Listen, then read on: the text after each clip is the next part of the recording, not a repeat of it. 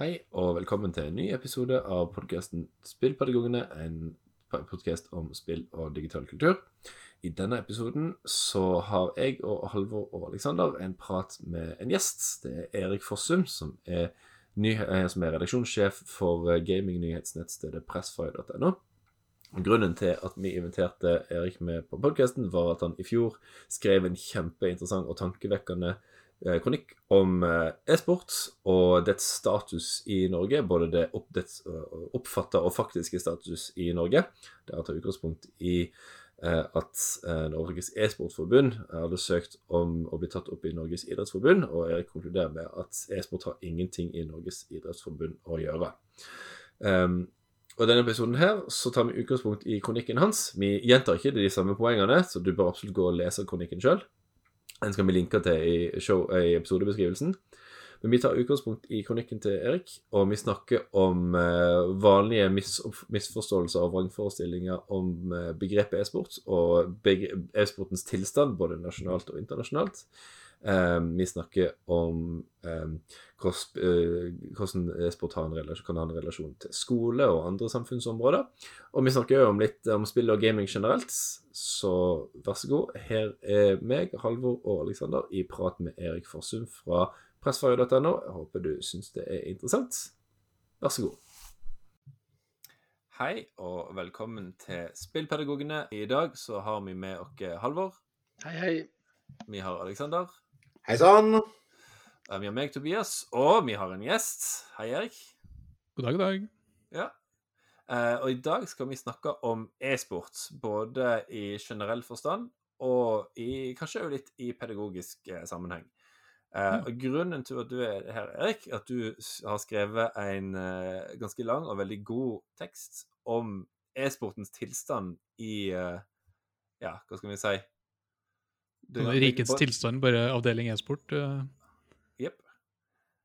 Så um, kan ikke du si litt om uh, den teksten, rett og slett? Jo, det kan jeg. Uh... Eller kan, kan, hva, du, hva kjernen i kritikken din? Eller for, for, de, for de unnvidde um... Det Tobias egentlig mener her, er hvorfor hater du e-sport? Ja, det er jo akkurat det. Det er jo der jeg var litt sånn skeptisk da jeg skrev den kronikken. Uh, hei, forresten. Navnet mitt er Erik Fossum. Uh, jeg er redaksjonssjef på spillnettstedet pressfire.no.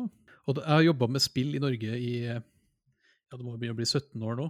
Uh, og gjennom de årene så har jeg liksom kikka på at e-sport har blitt en greie. selv om e-sport har liksom eksistert i mer enn 17 år, så har det de siste årene eksplodert i omfang. Og det har blitt tatt opp veldig høyt opp på hva skal vi si, politisk nivå. Det har gått så høyt at liksom er oppe på regjeringsnivå så er det vedtatt at regjeringa skal støtte e-sport. Eh, men så er det liksom Det er et eller annet som skurrer med e-sporten i dag, eh, og litt den diskusjonen som er rundt e-sport. Fordi det har, det har, gått så langt nå at uh, det er snakk om at e-sport skal bli en del av norsk idrett.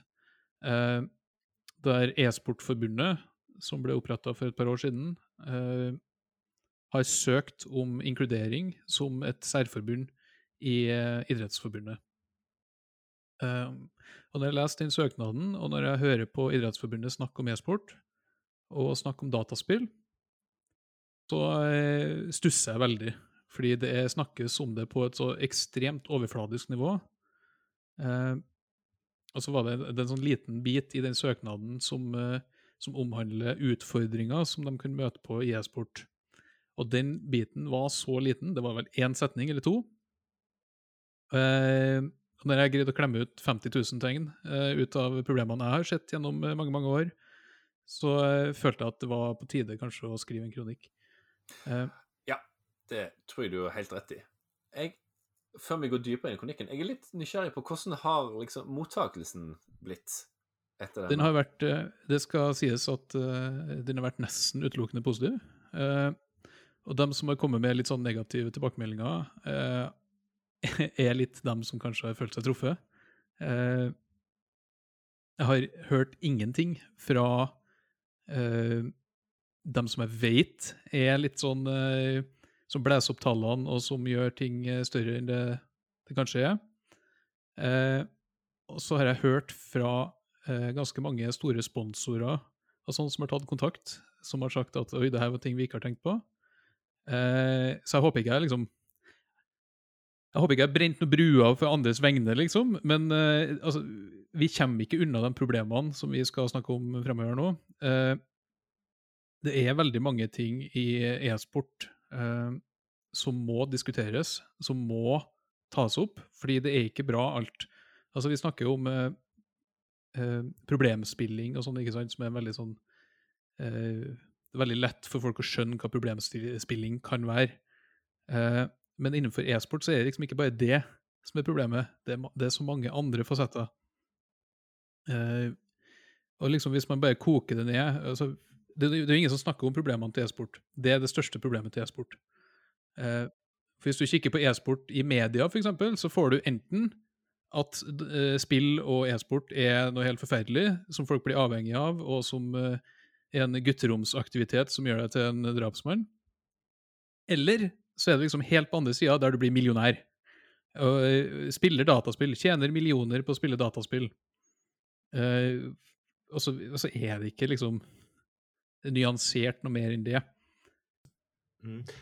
Men uh, hvis jeg kan bryte inn, altså før vi går videre, Erik uh, Uh, altså, Du snakker om e-sport uh, her. og uh, sånn, som jeg, sånn som jeg forstår kronikken din, mye av det mye av det kritikken din går på, det er at grenseoppgangene mellom hva som er e-sport og hva som er noe annet, de er fryktelig utydelige. Sånn at før, før vi går videre altså, når, når, når vi snakker om e-sport nå, hva, hva er e-sport?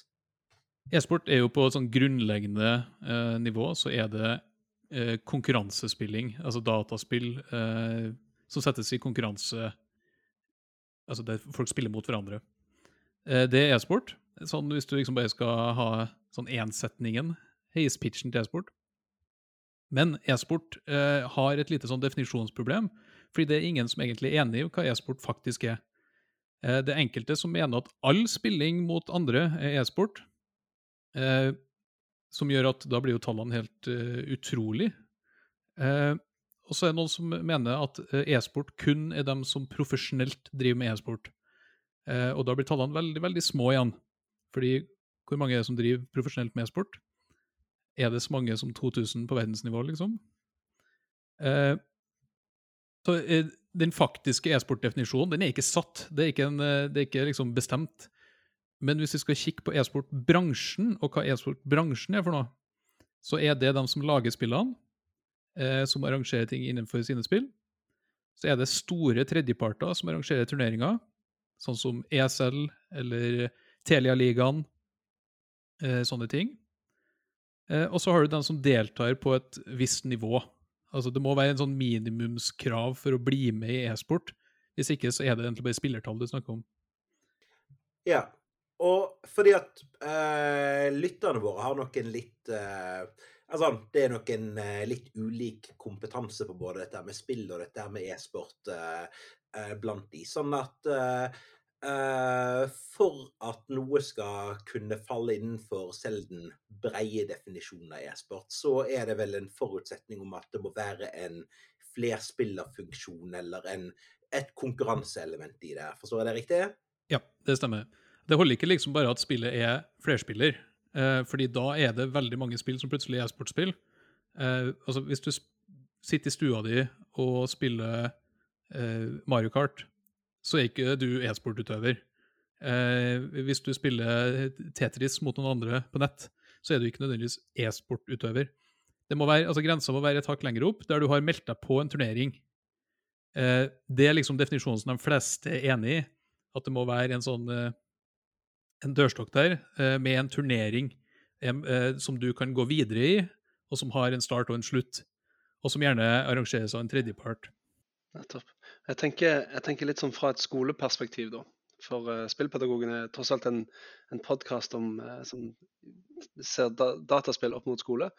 Så har på et vis e-sport-begrepet blitt brukt ganske mm, hyppig til ulike skolers satsing på dataspill. Og Da snakker man ofte om at man trenger de og de kompetansene i framtidas arbeidsliv, og dette er nyttig på, på måter som, som ikke nødvendigvis er innenfor spillsegmentet, men som, som, hører til andre deler av, av samfunnet. Og Hvis jeg forstår deg rett, altså, og det tror jeg jeg gjør akkurat her, fordi da, da kan vi jo liksom snakke om å spille, sånn generelt. Altså de, de, ferdighetene man får ved å spille, er på en måte nyttige, ja. Men det er jo ikke e-sport. Nei, og jeg vil, jo, altså jeg vil jo egentlig utfordre hele den tanken da, om at uh, dataspill og e-sport gir en slags kompetanse innenfor digitale ting. Altså, Nesten alle sammen spiller dataspill nå under en viss alder. Betyr det at alle sammen har en veldig god digital kompetanse? Uh, Hvis alle har det på CV-en, så er det ikke det så veldig verdifullt lenger. Cyberforsvaret gikk ut, uh, for de har en sånn greie med e-sportforbundet som også er litt problematisk, syns jeg. Men de har i hvert fall det. Og da, var, da de gikk ut og annonserte det her samarbeidet, så var det en sånn greie sånn Det her er kompetanse vi trenger, sier de. Og da lurer jeg på hvilken kompetanse det er snakk om? Altså, å spille dataspill? Er det en kompetanse? Fordi dataspill er jo Altså, det er ikke én ting. Eh, det er mange dataspill, det er mange typer dataspill. Eh, og, er, og du, du, får en helt annen type kompetanse av å spille World of, Warcraft enn du får av å spille uh, altså, et hvilket som helst annet spill. Det går ikke an liksom, å, å, dytte inn i sånne båser. Men når det kommer til e-sport, så er det jo liksom spesielle ting du faktisk får ut av det. Altså Samarbeid og sånn skal du ikke stikke under en stol at det er veldig viktig. Taktikk, sånne ting. Men får du en digital kompetanse ut av det? Mm. For ikke å snakke om hva er digital kompetanse? Det er det ingen som vet. Ja. uh, nei, men uh, du har jo helt rett i det du sier, Erik, at, at uh, um, her er diskusjon Det er en svensk professor i pedagogikk som heter Jonas Linderoth, som, som er veldig inne i Som har jobba hele sin akademiske karriere på spill og læring, og som er, er pragmatisk Kanskje ikke optimist, men han er pragmatiker. og han er litt sånn til tider nokså stor kritiker av mye av det med teknologi i skolen. Han sier det at um, den disk diskursen rundt mye rundt, altså måten man snakker på om teknologi og læring og skole generelt, inkludert gaming og e-sport, er så vag, generell, abstrakt at du kan mestre den måten å snakke på uten å mestre de medieobjektene det er snakk om. Du kan være flink til å snakke om e-sport på et generelt nivå uten å ha peiling på e-sport. Jeg kjenner e-sportutøvere som ikke greier å sette opp sin egen PC, liksom. Mm. Og det er fordi spillet har jo ingenting med den tekniske kompetansen å sette opp en PC. Eh, som sliter, liksom, hvis du er Windows Update og sånn. ja. og... Jeg føler at hvis du ikke Hvis du så, nesten sånn at du ikke greier å starte spillet sjøl, da lurer jeg på hvor den digitale kompetansen egentlig ligger. Ja, også, også det, det, er jo som en annen ting, dette her med det at man, man lærer liksom overførbare ferdigheter fra ja, f.eks. e-sport, eller at sjakkspillere blir gode i matte, f.eks. Man, man, man, kaller det, man kaller det gjerne for far transfer. Altså at du, deg, deg be, du blir flinkere i noe som er veldig ulikt det du blir flink i. Det er ikke støtta av forskning i det hele tatt. Sånn bare for å, vifte med forskerflagget. Altså, det, det, er bare, det, er bare, bullshit. Jeg merker jo sjøl at eh, altså, eh, Nå har jeg jobba med spill i mange mange år og eh, spilt veldig mange forskjellige typer spill. Fordi spillanmelderi er liksom noe jeg har holdt på med veldig lenge. Og jeg merker jo at eh, kanskje den største styrken jeg har fått ut av det sjøl, sånn personlig, er evnen til å sette meg inn i nye brukergrensesnitt veldig, veldig fort. Og det kommer veldig godt med når jeg, hvis jeg skal bytte til nye systemer på PC-en, f.eks., eller, eh, eller lære meg et nytt kodespråk, eller et eller annet sånt der. Så eh, da føler jeg faktisk litt på det. Ja. Men Det stemmer nok, men da vil det være snakk om liksom, da, da er overføringa mye kortere. altså Det blir mye mer beslekta. Eh, jeg har et eksempel fra nå skal jeg ikke kuppe over for mye, men jeg har et eksempel fra Fifa. Jeg spilte veldig mye Fifa en periode. Og så jeg tror jeg anekdoten tror jeg har fortalt før. Og så spilte, når jeg fikk min, begynte jobben min, så spilte vi innebandy hver tirsdag. Og jeg merka at jeg tenkte min posisjon på banen, innebandybanen, tenkte jeg sånn som jeg tenker i Fifa. Altså min posisjon til medspiller og til mål og keeper osv. Den er ikke så lang. Selv om det er et spill over til virkelig liv, så ja. Det er mitt sånn go to-eksempel på at jo da, du kan lære Norge å spille som er overførbart, men Jeg syns det er litt morsomt at Fifa blir betegna som et fotballspill, eh, når det egentlig er et eh, strategispill. Eh, fordi fotballspill betyr egentlig ingenting. Eh, du Nei. kan lage et fotballspill. Altså, det fins rollespill som er fotballspill. Det fins uh, altså managerspill. Det er fotballspill, det òg. Mm. Fifa det er et eh, strategispill. Et real-time strategy-spill. Jeg har aldri tenkt på det sånn, men du har helt rett. Og det er jo helt fantastisk hvis du spiller det på lag eh, sammen. Da kommer det virkelig det der taktiske elementet i. Hvis du spiller Fifa én player, eller én player mot noen andre, så er det jo ikke noe altså, Da er det ikke så mye taktikk inn i bildet. Veldig mye av Fifa spiller jo seg sjøl. Mm. Mm. Men uh, Erik, kunne vi gå tilbake til dette e-sport-begrepet? ja, det, det kan vi.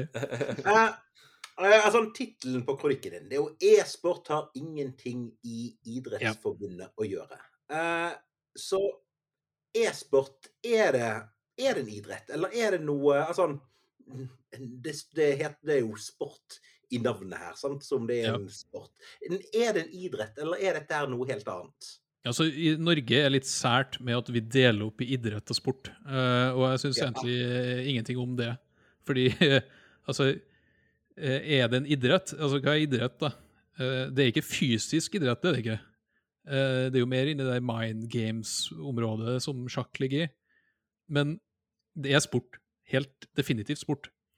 Men en av, dem, en av liksom mine pet peeves er at eh, folk snakker om e-sport som én ting, men det er ikke det. E-sport er ikke én sport, det er mange sporter. Hvert eneste spill som spilles i e-sport, er sin egen sport. Eh, og de har sine egne utfordringer og sine helt egne særegenskaper. Så, så man kan egentlig ikke si 'nå skal jeg satse på e-sport', eller 'nå skal vi eh, gjøre et eller annet med e-sport'. Man må, eh, altså det, det, har blitt, det har vært snakk om at det skal bli Eller det har vel blitt medaljegren i Asialekene. Og så er det sånn, ja, men e-sport skal inn der. Altså, ja, men hvilken e-sport? Og så er det forskjellig hver gang. Eh, det eh, arrangeres verdensmesterskap i e-sport, men hva betyr egentlig det? Så der er litt sånn begrepsbruken er litt løs der òg. Eh, og det er liksom en, en av liksom de store tingene i, eh, som er utfordringene til e-sport, er at det er ikke én sport. Det er mange sporter. Og så er det noen som eier de sportene. Eh, det er et stort problem. Men kunne man ikke sett for seg da at, eh, at f.eks. CSGO ble en del av, av Idrettsforbundet? Ja, eh, Eller, eller på et vis at, at, at, man ser på det på den måten. For at jeg har jo tolka kronikken din dit hen at det er jo ulike idretter vi snakker om. Men er sport-begrepet jeg blir, Det blir som å si at liksom, ja, sport skal inn i Idrettsforbundet, sånn generelt. Og det helt, Ja. det, det gir ikke mening, for det det vil på en måte likestille strandvolleyball og, og golf, liksom. Det er, ikke, mm. det er jo helt ulike ting. Ja, det er hvis, en, hvis en bryter det ned da, og sier ja, men kanskje CSGO skulle vært en del av Idrettsforbundet. da. Ja, men eh, Egentlig så syns jeg det ikke er en så dum idé. Eh, det burde vært et CSGO-forbund. Og så burde det vært et uh, Street Fighter-forbund, og det burde vært et uh, Fortnite-forbund. Og så burde de vært underlagt e-sportforbundet, som burde vært noe helt eget, ikke underlagt Idrettsforbundet. Det, altså E-sport og vanlig idrett er så forskjellig at det går egentlig ikke an å sammenligne dem. Altså, eh, det er veldig mange e-sportevangelister som, som er veldig på det at ja, men vi, vi trener, vi òg eh, fysisk, og vi, eh, vi sover godt, og vi passer på maten vår. og sånn. Vi er ikke den der stereotypiske kjellernerden. Det er sånn, ja, men det er egentlig ikke et argument for at det er eh, idrett. Sånn som vanlig idrett er. Eh, så e-sport er, det er så særegent og har så helt utrolig annerledes eh, utfordringer enn det vanlig idrett har, at jeg syns det skal være sin egen greie om å få være e-sport sånn som e-sport skal være. Eh, og det er litt hovedpoenget mitt med kronikken, er at du, du kan ikke vri til e-sport til å bli den der norske idrettsmodellen. Det er, ikke, det er ikke nødvendigvis den som er riktig for e-sport. Fordi e-sport er så ungt ennå eh, at e-sport sjøl har ikke greid å finne ut hva e-sport er. Jeg lurer litt på, hvor, hvor tenker du, altså hvor kommer dette ønsket fra? Er det et slags eh, et desperat rop om legitimering? Og i så fall, hvorfor skal man liksom piggybacke på legitimiteten til noe annet og større og veldig annerledes? Altså hvis vi skal være, hvis vi skal være skikkelig konspiratorisk her, så er Altså, Norges e-sportforbund er ikke, ikke forankra i den eh, eksisterende norske e-sporten eh, i stor grad. Eh, sånn som Teleligaen og sånn har ingenting med Norges e-sportforbund å gjøre. Eh, veldig mange lag, nesten alle lag som opererer i de høyere divisjonene i Norge, har ikke noe med e-sportforbundet å gjøre. Og det er derfor det, Da syns jeg det er helt vanvittig egentlig at E-sportforbundet prøver å komme inn i Idrettsforbundet og skal liksom kuppe hele den eksisterende norske e-sporten. Eh, hva var spørsmålet igjen? Nei, bare om, om, det er om, altså er det, dette her, Ikke bare det her med at bli, man søker om å bli med i, i Norges Norske idrettsforbund, men det, det her, jo, vi trener jo, og liksom Jo, du lærer og overførbare skills, og liksom Kan ikke, kan ikke bare spå, Altså, det er ingen annen fysisk sport, eller sjakk for den saks skyld, må liksom kjempe så desperat for den For, for anerkjennelse Ja, den på samme måte. Anerkjennelsen, ja. ja. For der tror jeg det er noe eh, Det er noen som har litt hastverk med at e-sport skal bli større enn det det er i dag. Eh, ofte så har de økonomiske interesser i det. De som prøver å pushe det frem og pushe det opp eh, til liksom eh, Altså den berykta bobla eh, som blåses opp. Fordi omfanget til e-sport per i dag er veldig, veldig lite. Eh, E-sport altså E-sport er ikke noe stort, folkens. Det er virkelig ikke det. Det er nesten ingen som holder på med e-sport i dag. Eh, og når vi går ned på et så lavt nivå som eh, jeg tror mange tror at er e-sport, så er det ikke e-sport, det er bare gaming. Fordi det finnes ikke tall på hvor mange e-sportutøvere det finnes i verden. De tallene bare eksisterer ikke.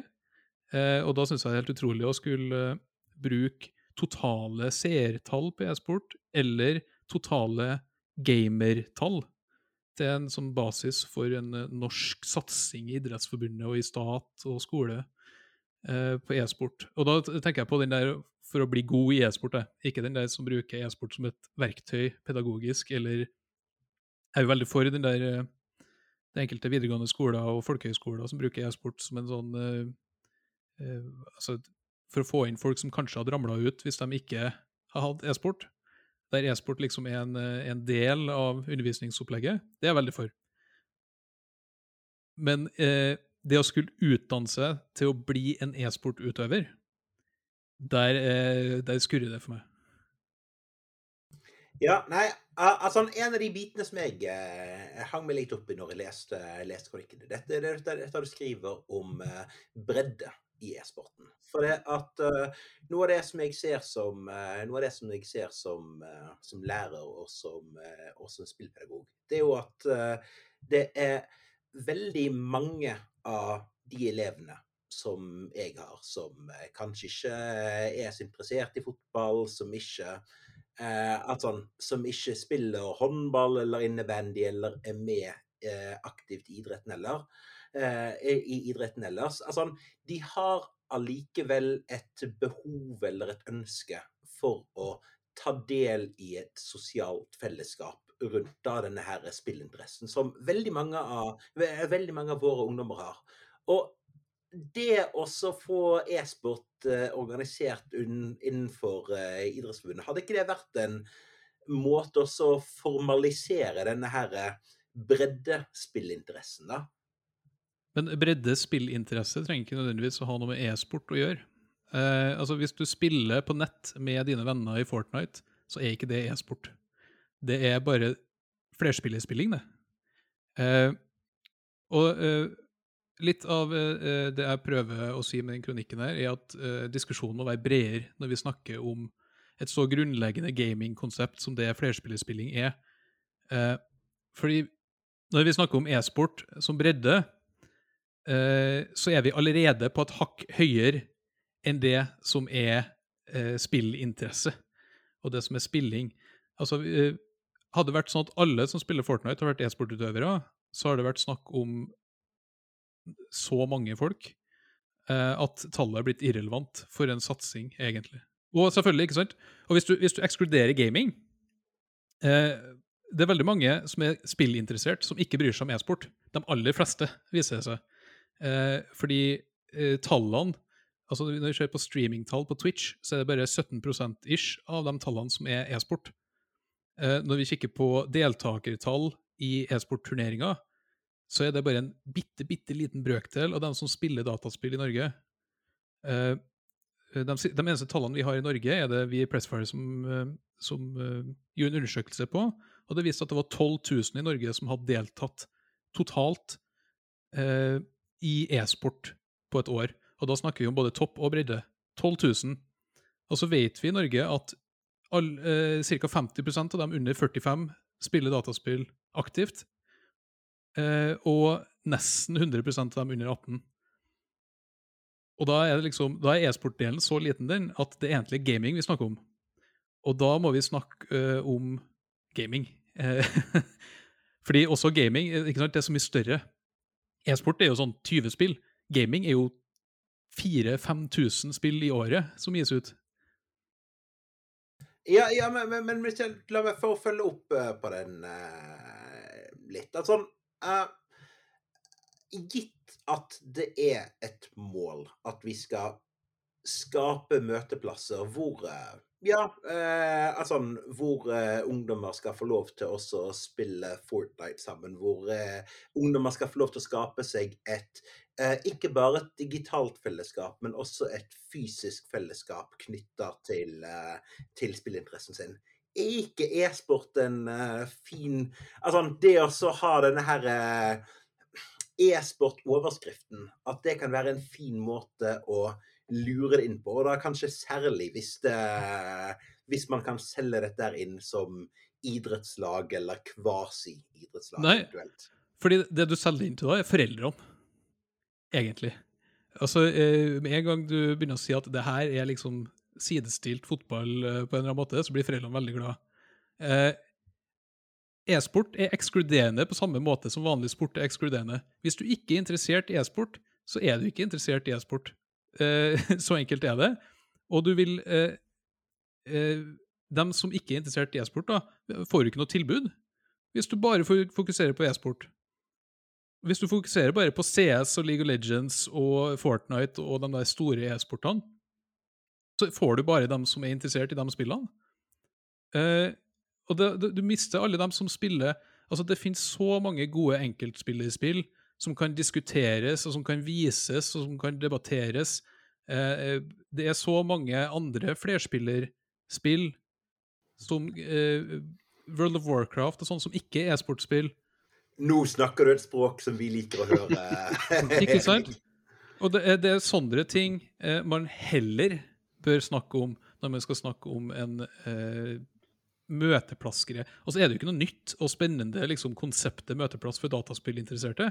Uh, Hyperion har holdt på med det i hvor mange år nå? The Gathering har eksistert i 30 år. Jeg synes jo det, altså, Hele Norge virker som blir en sånn slags evig forfjamselse hver påske over at det fortsatt samles folk i Vikingskipet.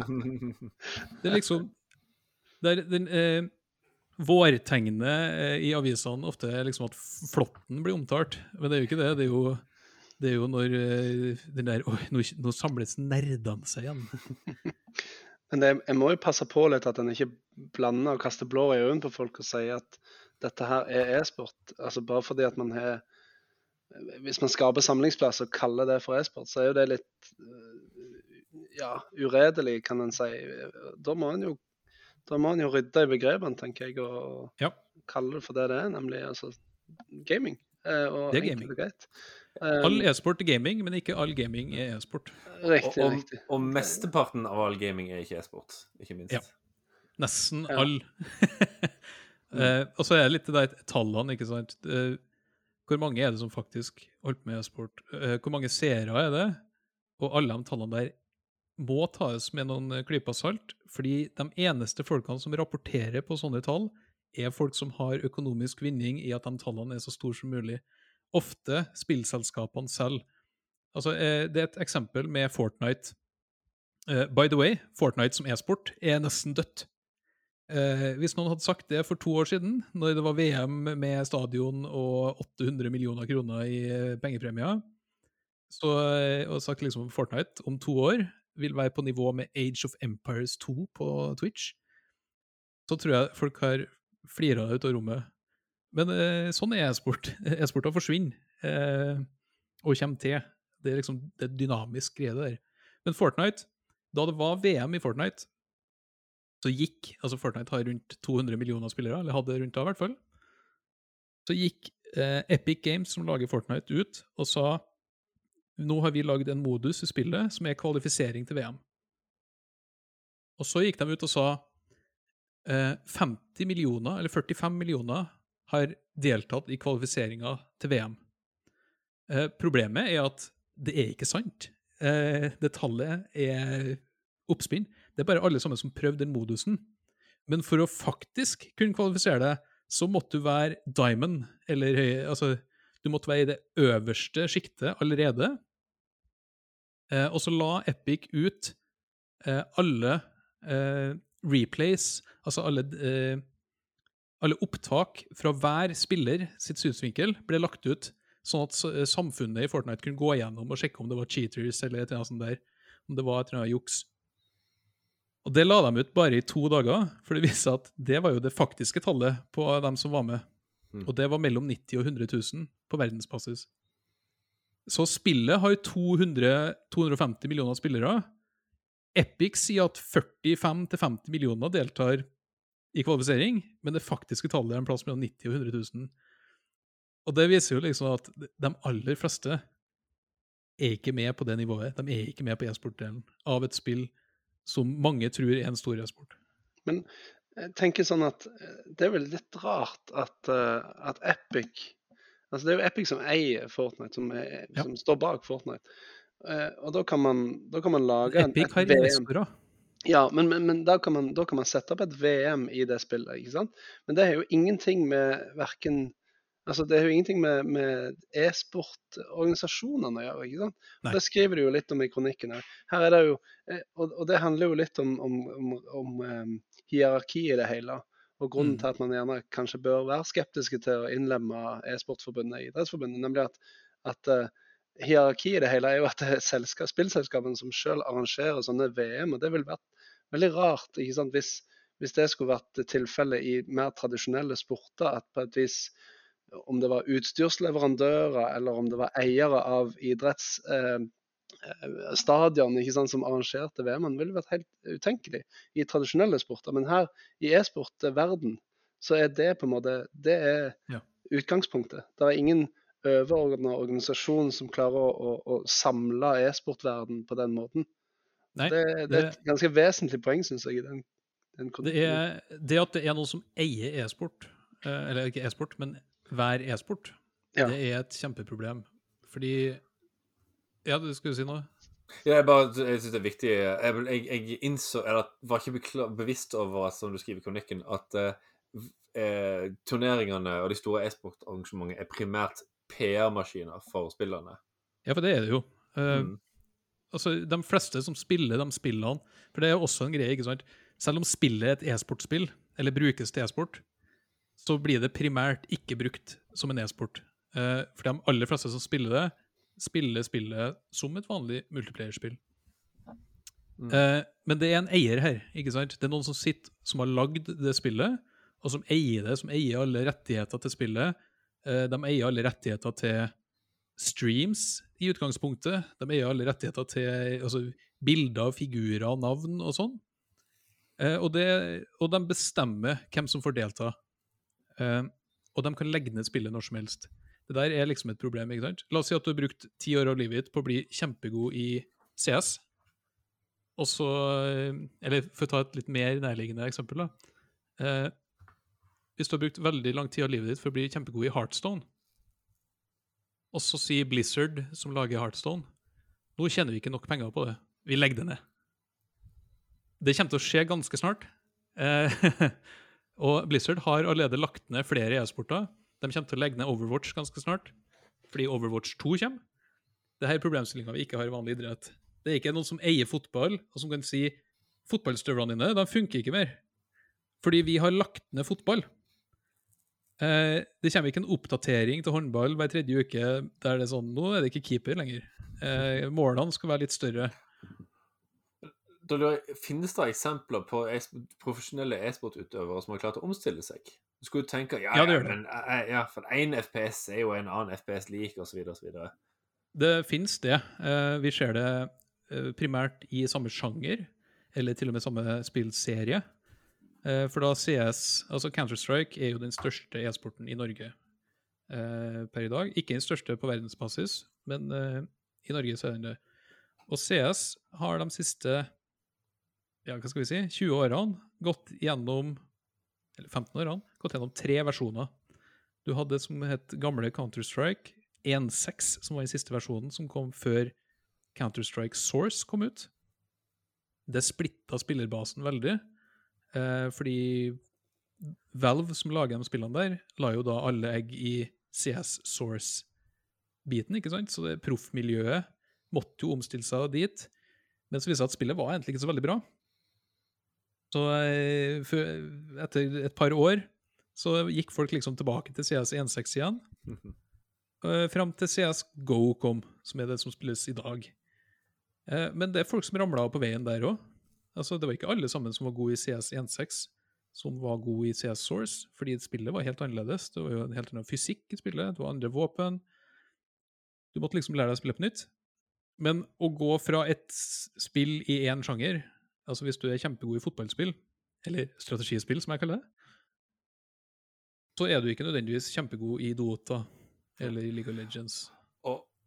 For ikke å snakke om, Apropos overførbare ferdigheter. Hvis man ikke blir undervist masse overførbare ferdigheter her, så hva, hva er da håpet for å si, veldig sånn generelle ferdigheter som ikke jeg, kreativ problemløsning, eller hva nå enn det er? Nei, si det. Og kreativ problemløsning altså Hvis du spiller CSGO på et høyt nivå, hvor mye kreativ problemløsning får du ut av det? Du spiller de samme fem-seks mapsen hver gang. Det er akkurat samme opplegget, det samme, samme win-scenario. Mm. Det samme, samme måte eh, å bare spille på. Jeg, jeg leste nettopp en artikkel som, hadde, som, gjorde akkurat det poenget der. At, at ja, hvis, hvis, du lærer spill Du lærer masse av gaming hvis du gamer mye. Ja, du lærer, Der er en ganske skarp terskel for dalende avkastning ja. når du har investert mye tid og penger, tid og penger i et spill. Du lærer veld, ofte veldig mye i starten, så lærer du kanskje mindre og mindre. Vi, vi har ofte diskutert litt det der uh, på kontoret. Altså, det snakkes ofte om liksom sånn hardcore gamers. Eh, og i media så har det ofte vært liksom folk som bruker mange mange år av livet sitt på World of Warcraft, f.eks. Men er det dem som er hardcore gamers? Er det, er det ikke dem, er ikke dem som spiller mange forskjellige spill, som er hardcore gamers? Jeg vil si at de som spiller ett spill, er kanskje den mest casual gamersen du får. de, de trenger ikke lære seg noe. Jeg, jeg, har lyst til å zoome litt tilbake, gå litt sånn tilbake igjen til dette med skole og, og sånne ting. Um, mm.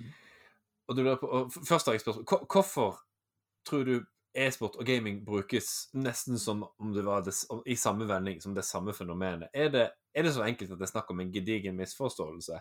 Ja. Eh, jeg tror det er en misforståelse, og så er det en misforståelse som preppes opp av at det gjentas eh, av dem som ønsker at e-sport skal være veldig stort.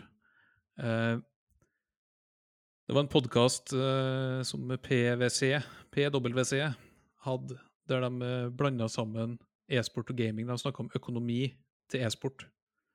Eh, ikke sant, Når du da begynner å bruke tallene til gaming, som har en økonomi på størrelse med filmbransjen, Eh, og så overfører du det til e-sport, så blir det helt feil. Eh, bruker du liksom spillertallene til gaming, 2,5 milliarder på verdensbasis spiller, og bare sier at det er gaming og e-sport, så blir det feil. Så, øh, men så er det ofte i media så vet ikke de som skriver om det, hva forskjellen er, så de bare skriver e-sport isteden. Og så kommer politikere. Oi, e-sport, det har blitt stort. Nå skal vi snakke masse om e-sport, for da når vi de unge velgerne. Og det så vi veldig mye før valget sist. Eh, altså ikke det valget som var nå, men før det. Vi ser det litt mer eh, Vi så det litt før valget nå òg. Der var liksom e-sport, e-sport, e-sport istedenfor dataspill, dataspill, dataspill.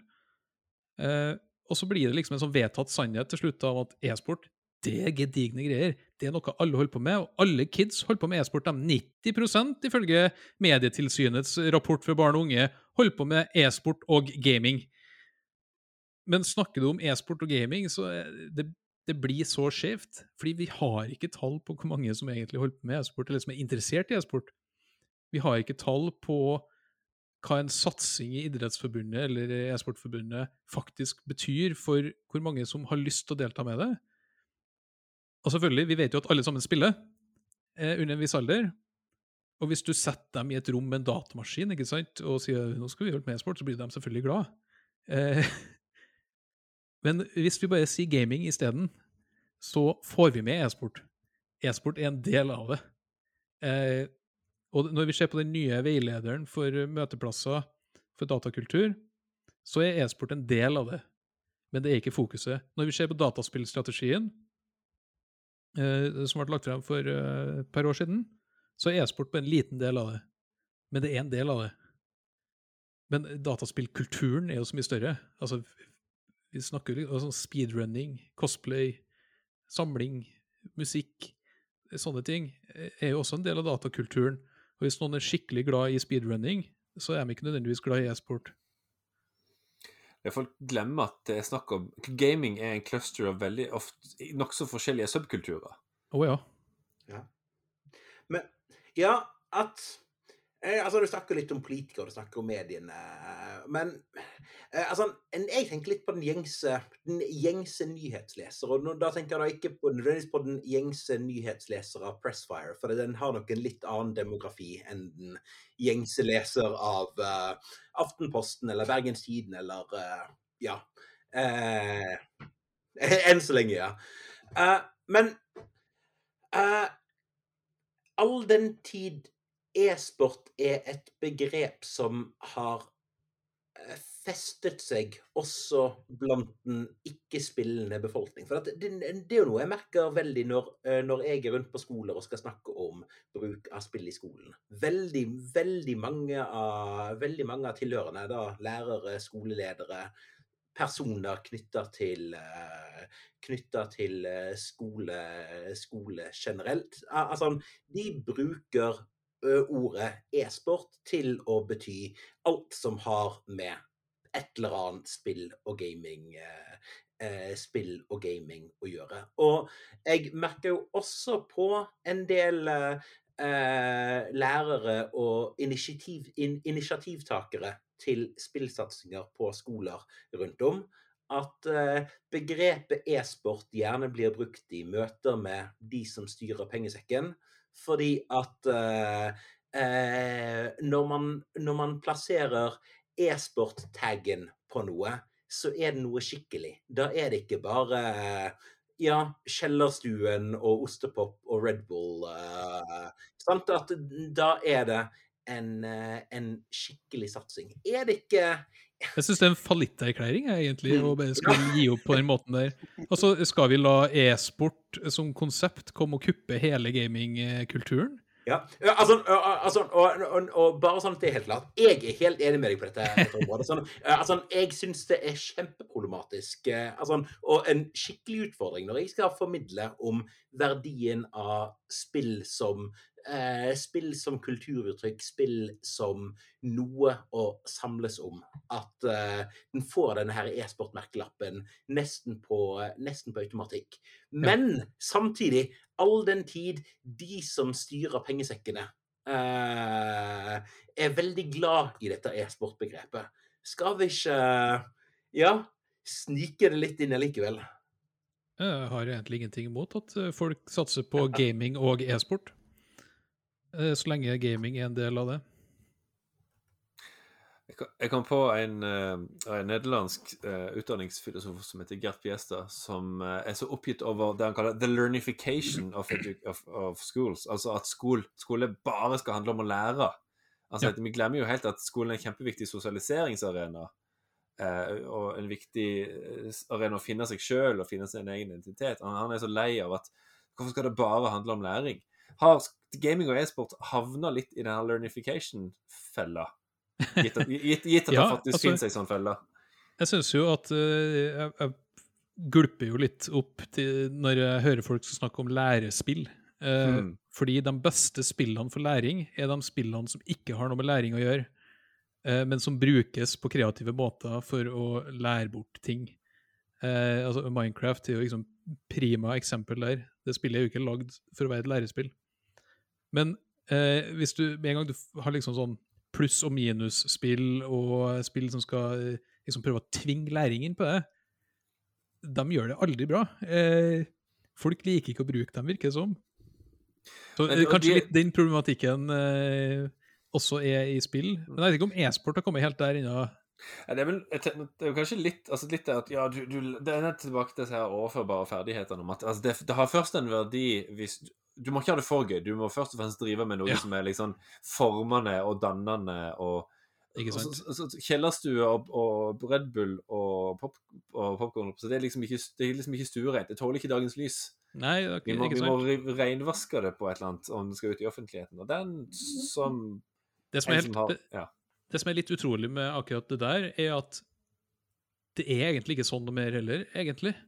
Jeg føler at dem som tror at dataspilling fortsatt er kjeller og cheese doodles, eh, er i et ekstremt mindretall nå. For hvis du snakker med folk som faktisk holder på med det her, hvis du snakker med eh, politikere, og du snakker med eh, altså, toppledere i alt fra liksom kulturelle skolesekken til NFI til sånn der, så vet de hva det handler om.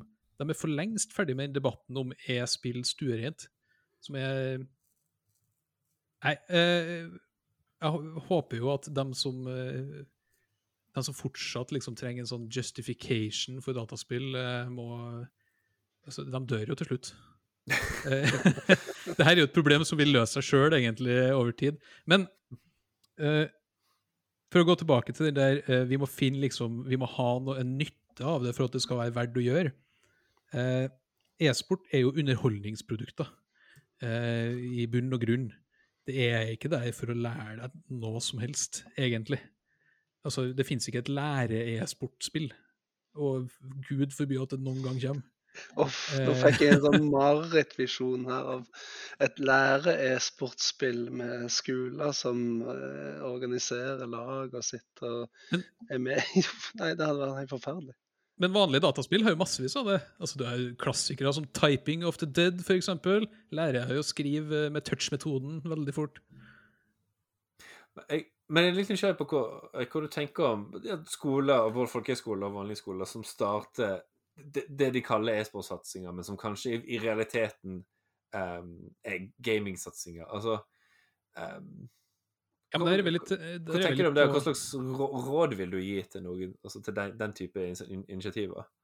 Jeg, jeg syns det er veldig viktig at uh, altså Folkehøyskoler må jo få gjøre hva de vil. Det er jo Der kan du jo gjøre det meste, liksom. Du kan jo stå på line et år. Men uh, sånn videregående skoler og sånn, så vidt jeg har skjønt av dem jeg snakka med som holder på med det, og som arrangerer det, så er e-sport en del Altså eh, som en idrettslinje, ikke sant? At det er bare en del av denne, eh, det hele løpet. Altså Det er bare noen timer i uka som faktisk er e-sport, spilling. Og det synes jeg er altså Hvis det fungerer som en måte til å få inn folk som kanskje ikke ville ha gått på skole, så er jeg helt for det. Men eh, det snakkes jo nå om at det skal bli toppidrettslinje, og at det liksom skal bli eh, Altså at e-sport skal bli noe som man satser målretta på i norsk skole for å få frem de beste talentene og sånn. Og da eh, får jeg frysninger med en gang, fordi det er en så dårlig idé at eh, det er ikke til å tro, ikke sant? Fordi da er vi tilbake til det eierskapet igjen. Hva gjør du den dagen du har gått tre-fire år på skole for å bli god i et spill, og så legge spillet ned? Eller det mister populariteten, eller det kommer et annet spill fra en uh, annen aktør som har mer penger, som henter alt av e-sportutøvere over til seg, sånn som Riot holder på å gjøre nå med Valorant uh, kontra CSGO. CSGO er lagt ned det om ti år. Eh, hva gjør du da? Da, da har du jo Hele systemet er jo bygd på en løgn, ikke sant? Hvis du har et sånt system. Ja, eh, Da vil jeg ta det litt grann fra e-sportfeltet og tilbake til spill, eh, spill generelt igjen. Og nå vil jeg eh, eh, høre litt fra Altså, som en som er spilljournalist, har jobbet som spilljournalist i mange år, er, eh, vil jeg anta, vesentlig mer bevandret i spillkulturen enn det noen av oss, noen av oss i spill, spillpedagogene er. Eh, og dette her med spill i skolen Til hvilken Altså eh, Hva, hvis noe, eh, tenker du at eh, elever bør eh, utsettes for, eller møte av, eller lære av spill i løpet av eh, Ja, la oss kalle det ordinær i 13-årig eh, grunnutdanning, da. det syns jeg absolutt. Altså, spill er kultur. Spill er viktig kultur for veldig, veldig mange. Og selvfølgelig, ikke sant, det er jo enkelte spill som er mer egnet enn andre til debatt og til liksom eh, å oppleve noe. Altså, eh, man bruker jo film i skolen hele tida. Man bruker musikk. Eh, Spill har en naturlig plass i norsk skole, syns jeg. Yay. Ja. Helt enig. Er preaching for the choir. Nei, men altså, jeg syns jo det, fordi altså eh, Jeg syns det er litt påtatt, den der Nå skal vi begynne å bruke spill i skolen, og så liksom skal det være en sånn eh, At det skal liksom være en sånn opplegg der enkelte spill får innpass og andre ikke, og sånn der.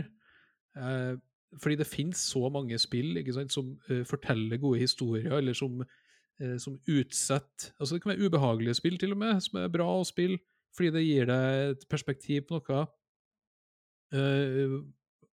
Og så det mange som ja, men du kan ikke ha skytespill. og sånn. Ja, men det, De fleste spill er ikke skytespill. Eh, det, er så, det er så mye å ta av, og jeg, jeg syns det skal være jeg synes ikke det skal være liksom en sånn vedtatt sånn liste med her i de spillene som nå skal inn i pensum. eller et eller annet der.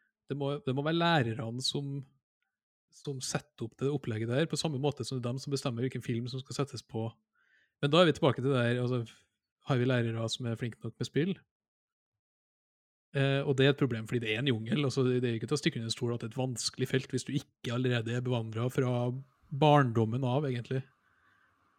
Er det, er det noe jeg har innsett de siste tierne, er, årene, er at de, de virkelig gode koblingene mellom et spill og et læringsmål og en lærer og en klasse, de er det veldig få av. Altså, Det er langt færre i alle fall enn det man gjerne skulle tro, eh, og de er vanskeligere å få tak i. Derfor er Ja, også... altså- mer, i større og større grad blir svar skyldig når folk kommer og spør du har du tips til et spill til liksom bare, Nei, sorry, det, det har jeg ofte ikke. Doom. Doom Ja. er alltid svaret på alle Ja, ikke sant? Nei, altså eh, Det finnes jo enkelte spill som er så eh, altså, For å si det på en eh, litt slem måte, snever, at de er veldig egna til å brukes i eh, skole. Sånn som My Child Lebensborn, som nå har en skoleutgave ikke sant, som er spesiallagd for at folk skal kunne diskutere ting. Eh, barna skal kunne ta egne valg, og så får læreren opp hvilke valg de tok, så skal det diskuteres hvorfor var det noen som valgte det, hvorfor var det, osv. så og så.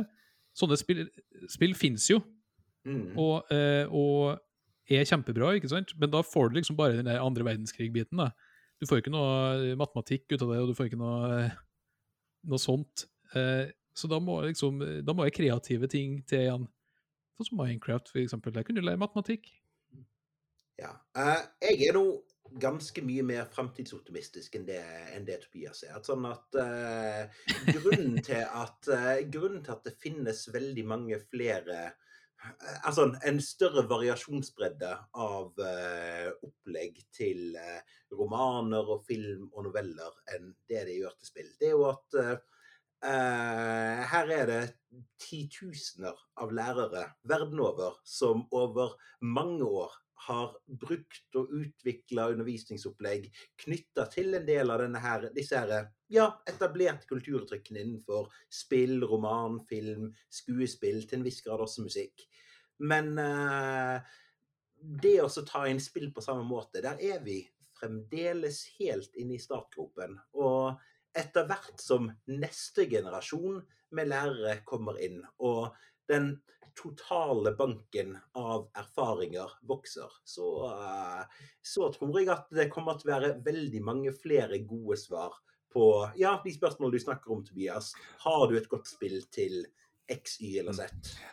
jeg er, jeg er utgangspunktet enig med deg, Alexander, men det er én ting der som, som er litt beslektet med det Erik har vært inne på tidligere, og det er at um, det er ingenting som hindrer deg i å lese uh, Å få tak i A Tale of Two Cities og le- lese utdrag av den med elevene dine. Vil du spille Kings Quest 5?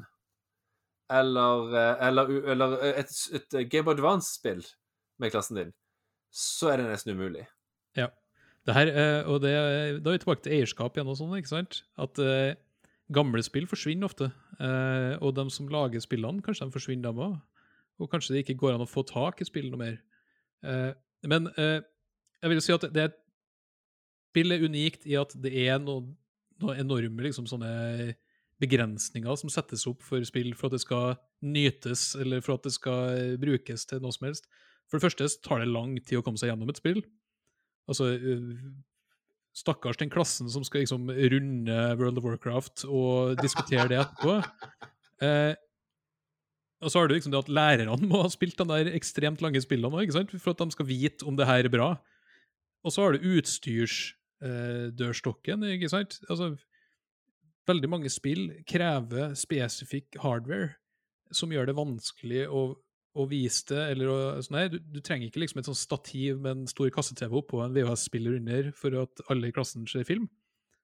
Eh, du må ha altså du må ha datamaskiner, ofte til alle sammen. Du må ha Ja, altså Det er for mye utstyr, det er for mange spill. Og så har du det, det med kost. ikke sant? Spill koster så utrolig mye å lage, og det tar så lang tid å lage, at eh, det å skulle lage lærespill, eller spill som er bra for læring, og sånn der, er jo et et mareritt for investorer og eh, sånne ting. Mm. Jeg, jeg, leste just jeg leste, nei, Sorry, Halvor. Ja, nå, nå, tror jeg Erik eh, har egentlig oppsummert samtlige, omtrent samtlige podkastepisoder med spillpedagogene.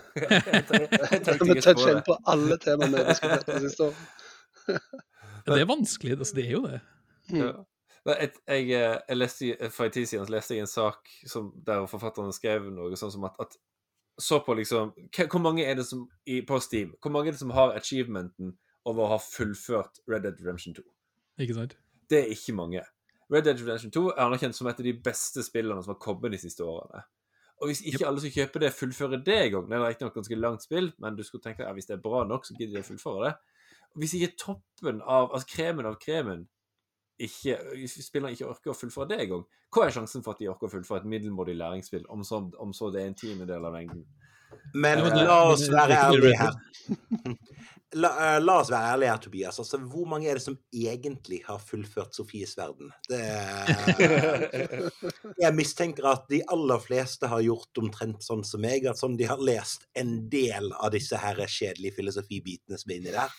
Men så kommer de en ja, tredjedel eller halvveis inn i boken, og så blir disse her filosofibitene lenger og lenger. Og så er det ja, det er mye skipping i uh, god gammeldags boklitteratur også.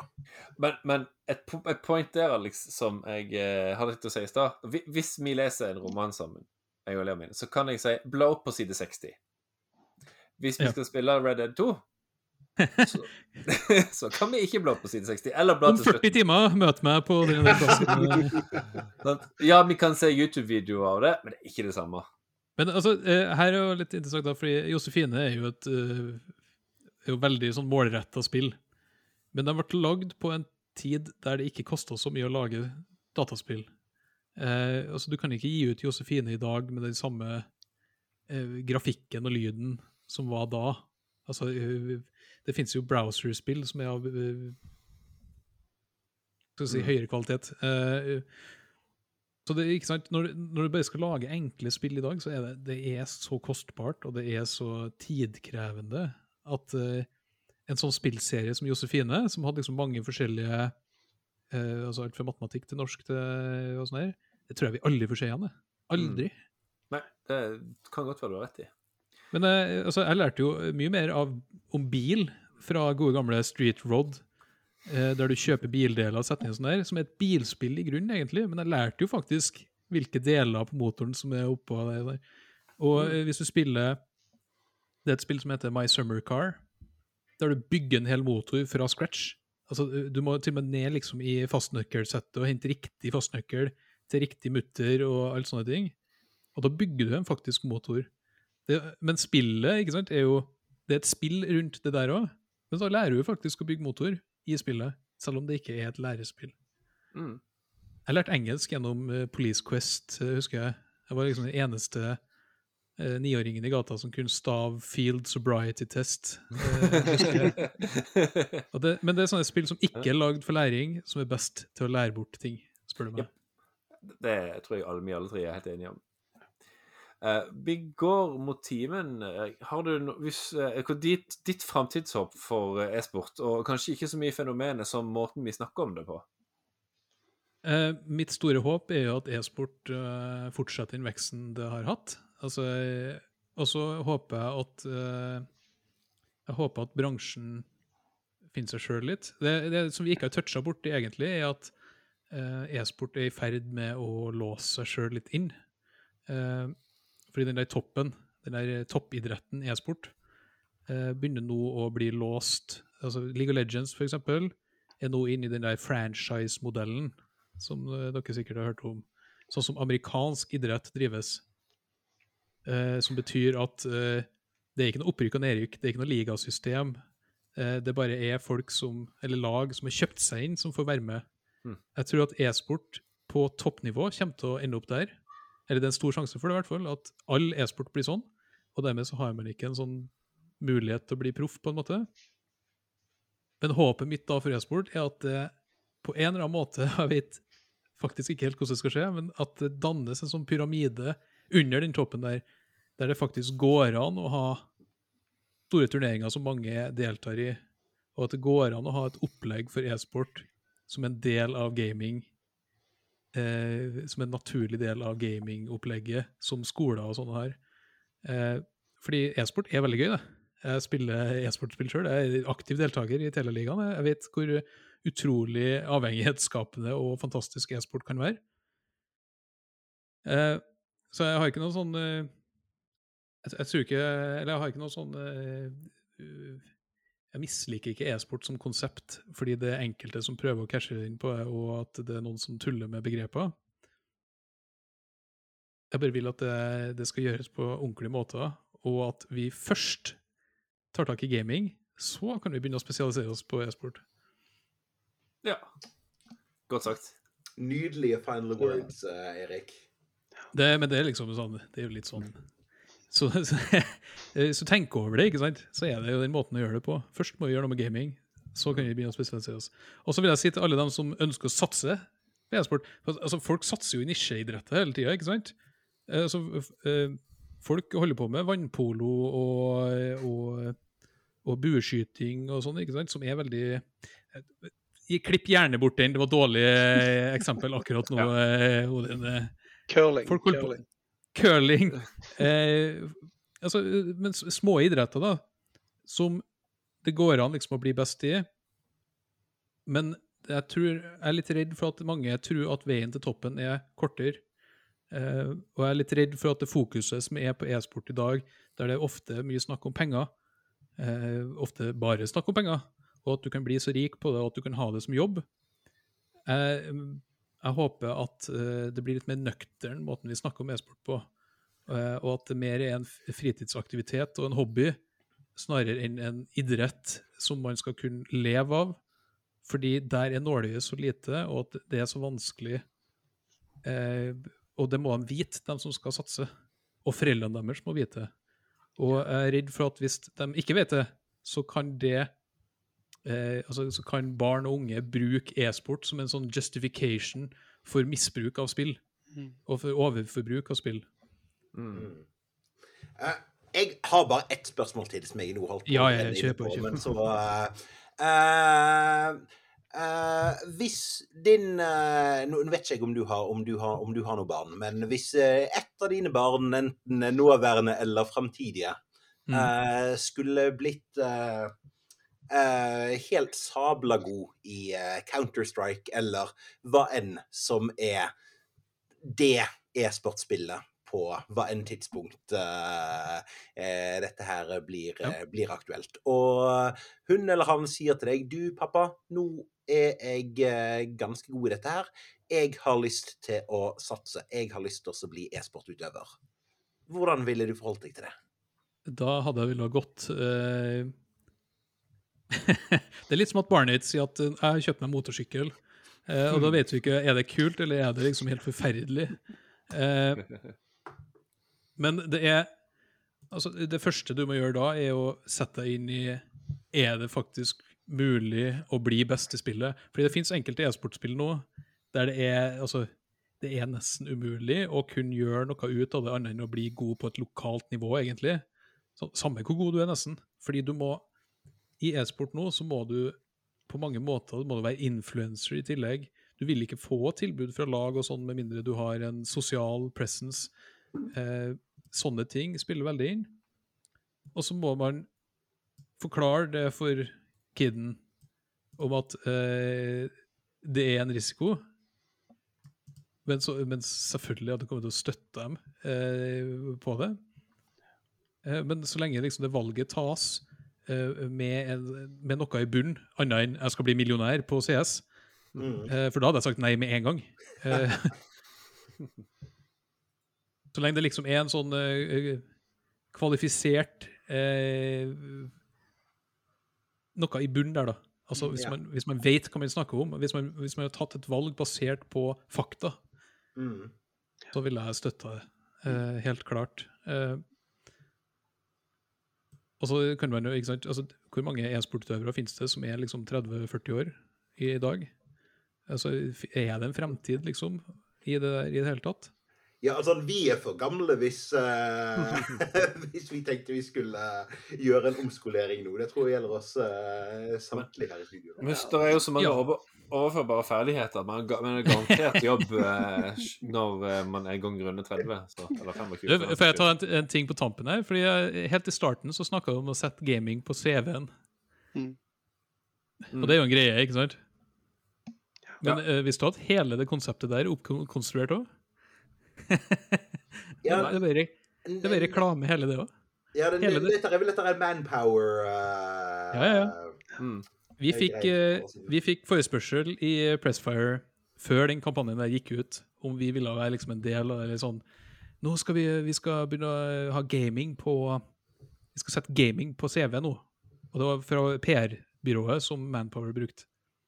Og de hadde lagd eh, videoer, de hadde lagd en landingsside, masse sånn der, for liksom å få frem det der. Gaming, det er stuerent nå, det er ikke lenger cheese doodles og eh, fislukt i kjelleren.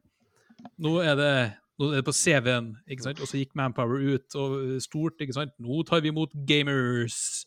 Hmm. Som om gamere ikke liksom har søkt på jobb før i sitt liv. Og altså- OK, boomen, sier du bare da. Ikke sant? Og så er det sånn, ja, og så har de tydeligvis da funnet ut at gaming er stort, eh, så nå skal liksom gaming inn der. Og så eh, Hvem var det som hadde den kampanjen? Var det Gilmund Kise, tror jeg, som hadde den kampanjen? Så vant de en eh, pris for den kampanjen, fordi den var jo bra gjennomført, og fikk jo masse reach i sosiale medier, selvfølgelig. Og så ble det droppa. Helt. Fordi Ja. da var de ferdig med kampanjen. Og siden har vi ikke hørt noe fra Manpower om CV og gaming og alt sånt der. Men nå har vi begynt å høre sånn Nav og finn.no snakke om gaming på CV-en fordi Manpower gjorde det først. Men så er liksom alt er bare oppspinn fra en sånn PR-kvern, egentlig. Du har, jo kunnet ha satt gaming på CV-en i alle de år. Det er jo Annet-feltet. Hobbyer og fritidsinteresser. Der kan du ha gaming. Mm. Jeg, jeg var allerede i en sånn downward spiral til å tenke at alle store liksom, oppblåste sannheter i hermetegn om teknologi generelt Ja. skyldes bare effektiv PR og lobbyvirksomhet fra edtech- IT-bransjen. Og nå har du bare pusha meg enda lenger ned. eh. Ja, men det, men det er sånn. Eh, Altså, Uh, dataspillbransjen generelt er jo ultrakommersiell, ikke sant? Og vi har jo en eh, Kodetimen, vet du hvem som står bak det? Det er jo uh, Ja. Code.org. Det er jo Ja, ja. fått masse penger fra Amazon og Google og, og Apple og ja. Der ser du. Nå må du ta en runde av podkasten her, eh, Tobias. Å, ta, Nei, vi går for to timer. Nei. Vi har jo egentlig ikke toucha innom eh, all den elendigheten i e-sportspill og, og alt det forferdelige som faktisk foregår i e-sport. Ja. Så kanskje vi må ha en oppfølger en gang. Enn, det kan godt være mye mor. Enn så lenge så vil jeg anbefale alle som hører på, å lese teksten til Erik, for den er Ja, den er kanskje lang, men det, den er derfor, på grunn av det så er den veldig nyansert og detaljert. Og så det er uunngåelig. at Tusen at takk. det- Så det er uunngåelig. Det er 50 000 velbrukte tegn, kan vi si. Takk. Erik Fossum, tusen takk for at du var med. Takk for at jeg fikk være her. Eh, takk. Og så håper jeg du som hører på, syns det har vært en interessant prat om e-sport, og at du kanskje til og med lærte noe nytt. Så enn så lenge eh, så høres vi neste gang. Ha det bra så lenge. Ha det bra. Ha det! ha det.